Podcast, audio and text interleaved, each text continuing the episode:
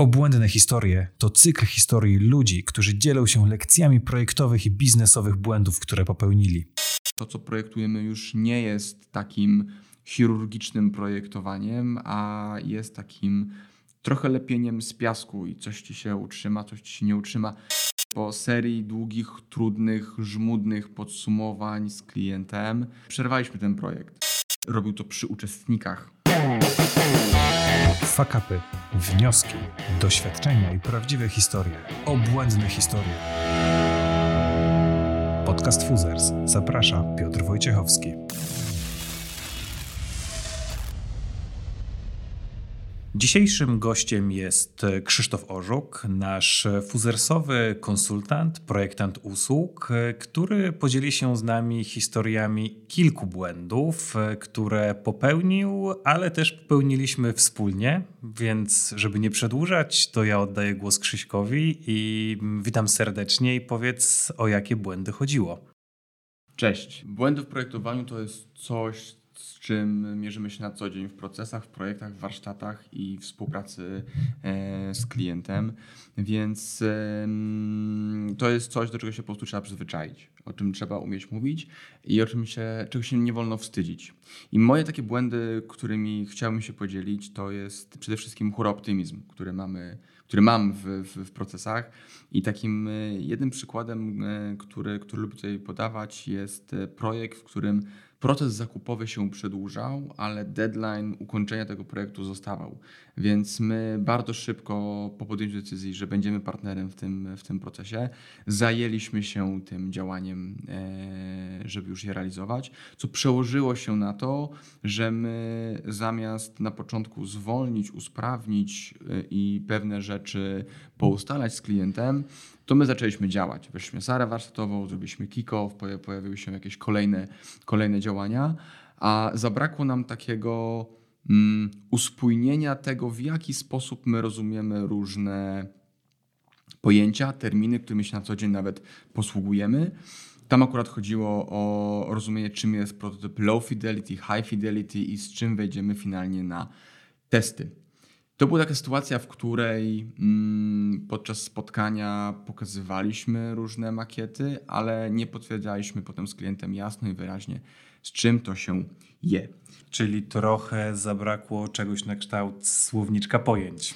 Słowniczka pojęć, ale też takiego wspólnego siąścia i pokazania tak, to jest to, dokładnie to rozumiemy i takich trochę kamieni milowych, nie tylko słownych, ale takich kamieni milowych, które pokazujemy sobie, co zobaczysz, drogi kliencie, drogi partnerze biznesowy na tym etapie. Co spowodowało, że potem dyskutowaliśmy na tym, czy to jest to, na co się umawialiśmy, czy to już warto zrobić, e, czy warto gdzieś pójść z tym tematem dalej. No bo my rozumieliśmy to w ten sposób, że dowieźliśmy ten ustalony mm, kamień milowy, ten produkt, a nasz klient stwierdził, że nie i musimy to jeszcze poprawiać. No właśnie, dobra. I co się w związku z tym stało? Bo błąd popełniliśmy. Pamiętam tę e, sytuację bardzo dobrze i pewnie długo ją będę pamiętał. Natomiast powiedz też trochę więcej o tym, co się wydarzyło, w sensie jaki był efekt tego, że taki błąd popełniliśmy, bo z tego co pamiętam, to nie zauważyliśmy tego od razu. Nie. Znaczy, do tego błędu skierowało nas kilka mniejszych działań. Po pierwsze, mm, brak takiego dedykowanego zasobu, dedykowanego zespołu po naszej stronie, takiego korowego, bo tam była taka sytuacja, w której my, mając dwa dni warsztatów, się wymieniliśmy. Wymieniłem się z Tobą prowadzeniem tych warsztatów, więc to była taka sytuacja, w której tu się zmieniliśmy. Mm, pozwoliliśmy też klientowi na to, żeby zmienił koncepcję tego, jakie są warunki brzegowe tego działania, tego produktu, na którym się skupiamy, i to w trakcie tych warsztatów. My w trakcie warsztatów usłyszeliśmy, że to możeśmy pójdźmy, może pójdźmy w innym kierunku. Co sprawia, że jeżeli mamy przygotowane rozwiązanie, mamy przygotowaną agendę, sposób pracy, flow tych działań, mm, to wszystko w porządku, ale kiedy zaczynamy je zmieniać, modyfikować, no to tych przemyśleń jest mniej. No i teraz, jeżeli jesteśmy na to przygotowani, super, ale nie zawsze jesteśmy w stanie być na wszystko przygotowani i też nie ma się co oszukiwać w tym wszystkim. To prawda, ja pamiętam tą sytuację z przekazywaniem informacji. Ja chyba jechałem do klienta, ty od niego wracałeś i gdzieś w samochodach e, rozmawialiśmy o tym, co się wydarzyło w e, trakcie dnia, żebym ja mógł kolejny dzień poprowadzić i zdecydowanie jak patrzę na to też z perspektywy, to to nie było najrozsądniejsze rozwiązanie. Zdecydowanie. A tam doszło jeszcze parę innych rzeczy, bo kiedy to wszystko się E, kiedy się pojawiały te dyskusje z klientem o tym, co to jest, czym to powinno być ten produkt finalny, to ja jeszcze byłem wtedy w Dublinie na konferencji e, Service Design Network Global, e, więc kontakt z klientem też był utrudniony, bo mm, nie chcieliśmy się zdzwaniać, nie mogliśmy się zdzwaniać, była jakaś taka dziwna sytuacja, w której pamiętam, że ten kontakt był utrudniony i wszystko poszło na mailach, a maile są takim nośnikiem informacji, na których bardzo łatwo jest eskalować i dopowiadać sobie pewne emocje, których tam być może na początku w ogóle nie było. I finalnie to, co się wydarzyło, to my przerwaliśmy ten projekt. Się po serii długich, trudnych, żmudnych podsumowań z klientem, podpierania się różnego rodzaju mailami, ustaleniami, notatkami z warsztatów, zdjęciami i też ekspertyzami z zewnątrz, bo tam też była taka sytuacja, w której jeden z klientów powiedział, że chciałby, żeby ktoś inny to zerknął, więc ten ktoś inny zerknął, potwierdził, że możemy iść w jednym czy drugim kierunku. I tam był taki moment, w którym mam wrażenie, że pojawiła się pewnego rodzaju pewien, pewien konflikt, który, który był niewypowiedziany, w który myśmy weszli zupełnie nieświadomie pomiędzy różnymi interesariuszami. I finalnie ten projekt przerwaliśmy. Podjęliśmy wspólną decyzję z klientem, że go przerywamy, że i po jednej i po drugiej stronie zabrakło pewnego dopilnowania, pewnego sprawdzenia, pewnego takiego uspólnienia tych, tych rzeczy. I to była dla nas bardzo droga lekcja. Mm, ale mam wrażenie, że myśmy ją odrobili. Mam taką nadzieję, w sensie wyciągnęliśmy na pewno z niej wnioski i kilka rzeczy poprawiliśmy, natomiast nie zmienia to faktu, że to nie, nie sprawiło, że uniknęliśmy kolejnych błędów w innych działaniach i o tych kolejnych błędach też wiem, że chciałeś opowiedzieć, więc e, co dalej? No tak, więc mamy ten temat chóra optymizmu, który stopniowo obniżamy, bo jednak jesteśmy osobami wszyscy w którzy, którzy lubimy działanie i uczymy się tego nie hura optymizmu, tylko takiego spokojnego podejścia do, do działania. Drugim tematem, o którym chciałbym powiedzieć jest yy, błąd, czy, czy, czy zlepek błędów, mm, w którym nie zadbaliśmy wystarczająco dobrze z klientem o to, żeby ustalić rolę poszczególnych uczestników projektu. To była taka sytuacja, w której weszliśmy na projekt, w którym mieliśmy mm, kick-off całego działania i pracowaliśmy z bardzo świadomym, doskonale wyedukowanym y, zespołem po stronie, po stronie klienta, który rozumiał proces, który wiedział, znał narzędzia, z których będziemy korzystać i tak naprawdę byli dla nas w całym tym procesie bardzo dużym wsparciem też merytorycznym, bo potrafili powiedzieć, na czym im zależy, na czym im nie zależy, czego chcą, czego chcą uniknąć, bo patrzyli świadomie na, na, swoje wcześniejsze realizacje. Czyli można byłoby powiedzieć, że taki klient wymarzony, bo świadomy, z wiedzą, wie czego oczekuje konkretny, a z tego co już e, rozmawialiśmy z naszymi poprzednimi gośćmi, jakby wiemy z doświadczenia, z tą konkretnością też bywa różnie, więc można by pomyśleć klient idealny. Tak, jeżeli połączy to z naszym hura optymizmem, no to łączymy się, e, łączymy to wszystko w kolejny błąd, w który, mm, w który weszliśmy zupełnie jego nieświadomi. Natomiast e, znowu on był dla nas trudny w tym procesie e, i miał bardzo bolesne konsekwencje, bo to, co się wydarzyło później, to była sytuacja, w której nasz klient, który powinien być w roli merytorycznej w procesie, eksperta takiego merytorycznego tym, na temat tego, co projektuje, e, bardzo często wchodził w rolę facylitatorską, w rolę moderatorską, w rolę tak naprawdę projektanta, której, do której zatrudnił de facto nas. E, I w konsekwencji e, nie robił tych rzeczy, które powinien robić, albo myśmy mu nie powiedzieli, że tego od niego potrzebujemy, oczekujemy, czy, czy jest to dla nas ważne, czy nie podejmował decyzji w kluczowych momentach procesu. Czyli nie wyznaczyliśmy w całym tym zespole osoby odpowiedzialnej za decyzję. Jeżeli stoimy na jakimś rozdrożu, to część decyzji możesz podjąć e, analizując dane, czy podejmując kolektywne decyzje jako zespół projektowy,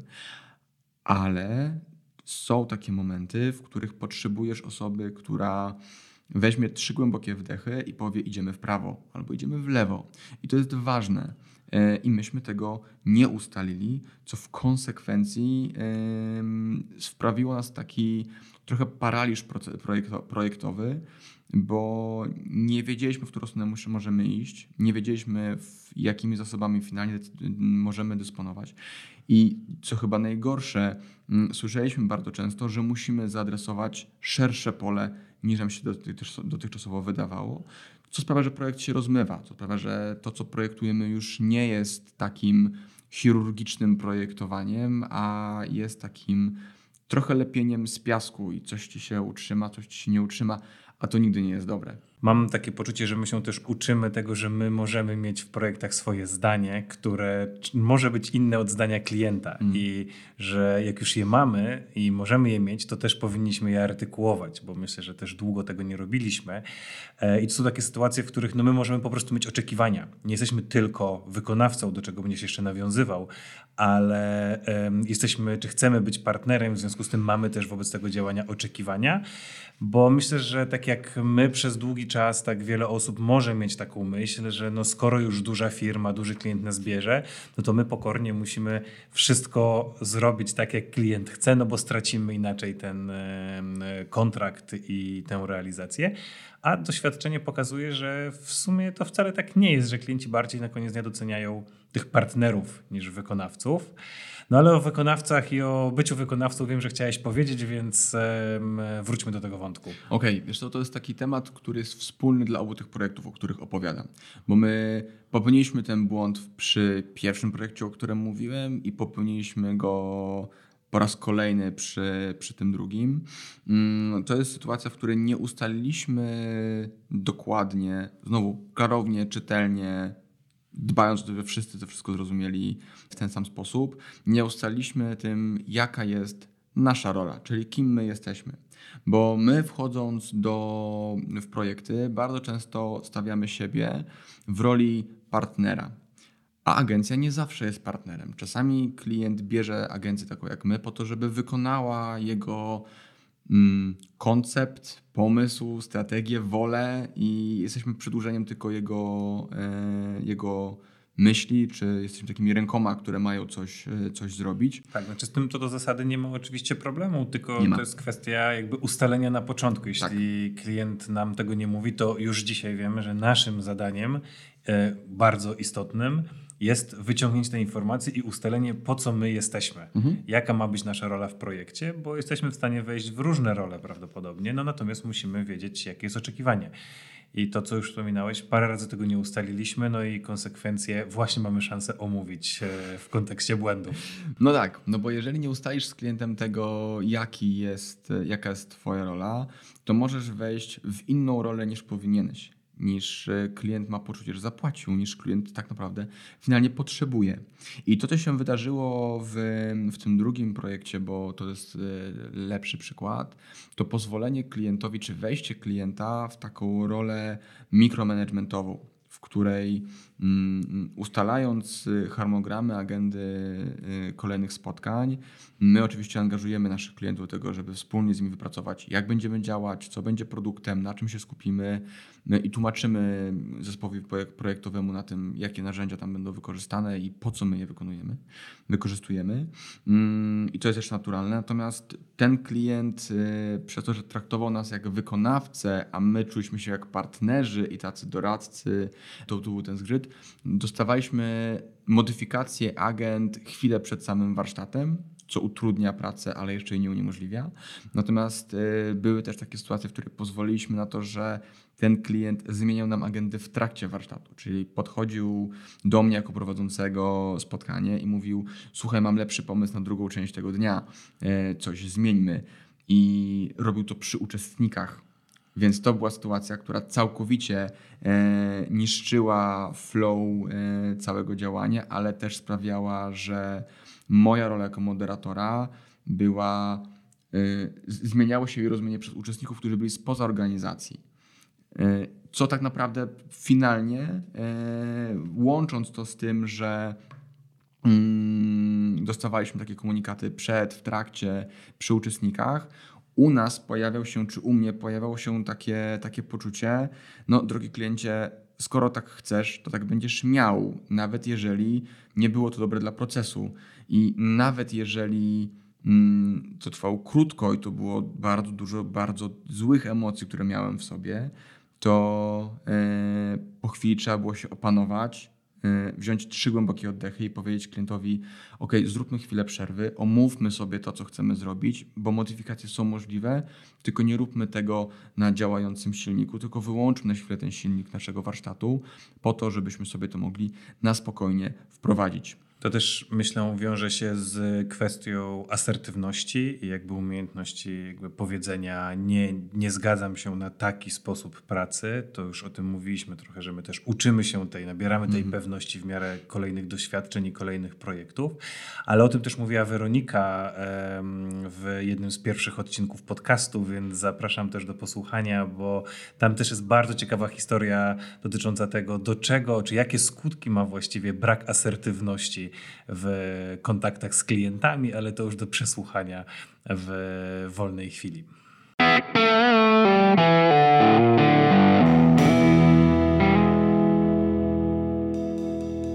No dobrze, to w takim razie mm, mamy już na liście kilka błędów, ale z pewnością to nie wyczerpuje jeszcze e, wszelkich możliwości e, czy historii, które, które masz w zanadrzu. Co jeszcze? Jakie jeszcze błędy chodzą ci po głowie i jakimi chciałbyś się podzielić? Myślę, że temat błędów, które popełniłem, to jest temat na długą, długą, długą rozmowę i, i moglibyśmy o tym dyskutować. Takim ostatnim, który chciałem się podzielić, to jest e, angażowanie się w zbyt wiele działań, które są dookoła e, i takie gonienie za błyskotkami, które, które są dookoła, które chcesz realizować, bo to w praktyce oznacza, że nie jestem zaangażowany czy nie byłem w tamtym okresie w pełni zaangażowany w projekty, które prowadziłem i potrzebne były te zmiany, o których już troszeczkę powiedzieliśmy, bo to był projekt, w którym oprócz tego, że my się zmieniliśmy na warsztatach, to zmieniła się koncepcja w trakcie warsztatów z naszym klientem. Do tego zmienił się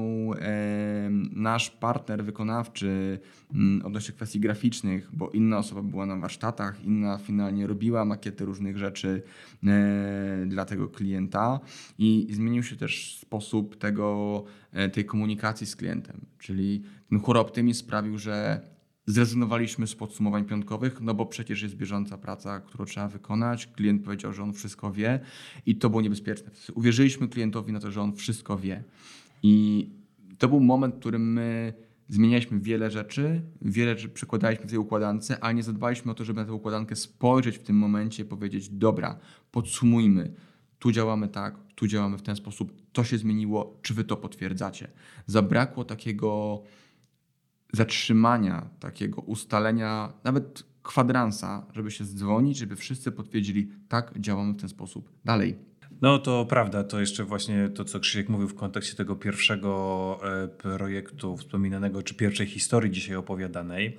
Kiedyś w tym duchu widziałem u jednego z naszych klientów i też o tym rozmawialiśmy, taką sytuację, czy taką, taki sposób pracy, którym w sumie bardzo prosta rzecz, ale bardzo skuteczna, czyli wywieszenie sobie celu projektu i grup docelowych i wracanie do niego w każdym momencie, w którym pojawia się pomysł, żeby zrobić coś nowego, coś innego, pojawiają się pomysły na odejście od głównego jakby nurtu tego projektu, czyli te błyszczące elementy, o których mówiłeś, na które się chętnie rzucamy.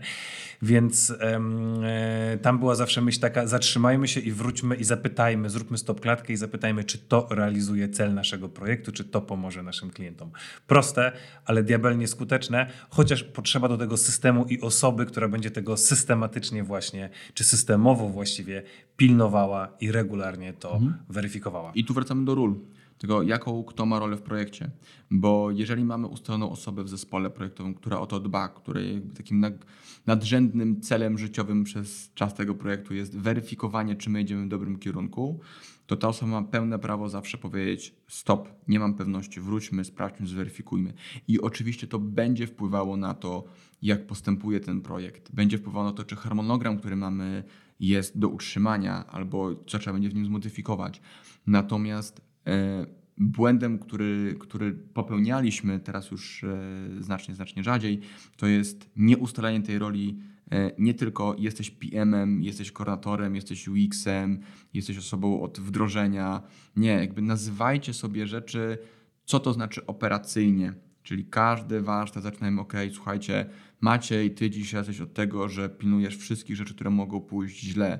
Agnieszka, twoją rolą jest to, żebyś szukała w tym wszystkim e, szans, które możemy zrobić. Marta, a ty nas pilnuj, żebyśmy szli e, z myślą o tym naszym docelowym użytkowniku.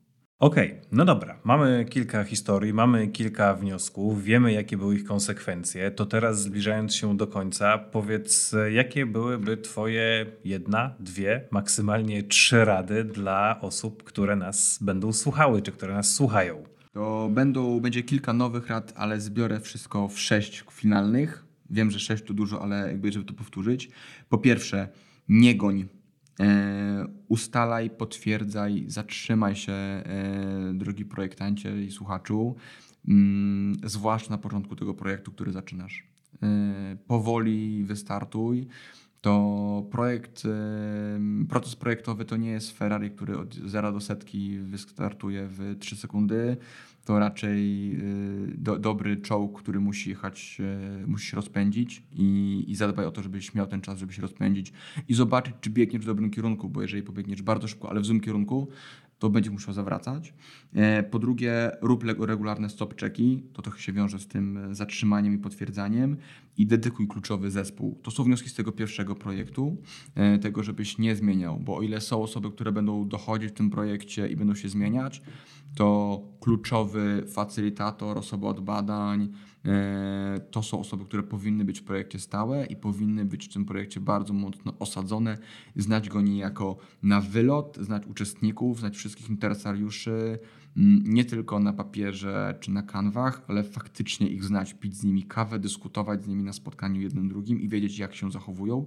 To bardzo pomaga. Numer trzy. Planuj suk na sukces, ale analizuj ryzyka, czyli zrobienie takiego skramowego, dobrego e, rejestru ryzyk, który będzie żył, czyli na początku projektu, kiedy robimy kick-off, czy na etapie ofertowania, warto sobie go zrobić i wracać do niego co 2-3 e, tygodnie całego procesu ustalaj role i się ich trzymaj. Czyli jeżeli coś się, coś ustaliłeś, to pilnuj tego. Ale najważniejsze, jeżeli miałbyś z tego, y, z tej naszej rozmowy wyjąć jedną najważniejszą rzecz, mm, to to, żeby być dla swojego klienta partnerem. Nawet jeżeli ten klient nie traktuje w ten sposób ciebie. Czyli nawet jeżeli się rozmyliście, nawet jeżeli ten klient atakuje cię e, bardzo, bardzo mocno, nawet jeżeli tam się pojawiają mm, ryzyka tego, że stracisz ten, e, ten, ten projekt, że będą kary umowne, czy ktoś się obrazi, czy że ktokolwiek, gdziekolwiek będzie dla ciebie nieprzyjemny, nieuprzejmy, cokolwiek, wiecie, to jest stres. To naszą rolą jako prowadzących ten proces i moją rolą, tak widzę, jest to, żeby zawsze być takim buforem pomiędzy projektem a zespołem, żeby dawać zespołowi też moment oddechu bo nieważne tego, czy jesteśmy wykonawcą, czy jesteśmy partnerem y, merytorycznym w tym procesie, którym pracujemy z klientem, to jesteśmy partnerem, jesteśmy dla niego. My nazywamy to Fuzer bycie sparring partnerem, czyli też sprawiamy, wchodzimy w dyskusję, ale to chyba temat na zupełnie inną rozmowę. Tak, mam nadzieję, że będziemy mieli jeszcze taką okazję, a właściwie to jestem tego pewien. Bardzo serdecznie dziękuję za rozmowę, za podzielenie się błędami i zapraszam na kolejne odcinki. Do zobaczenia. Do zobaczenia.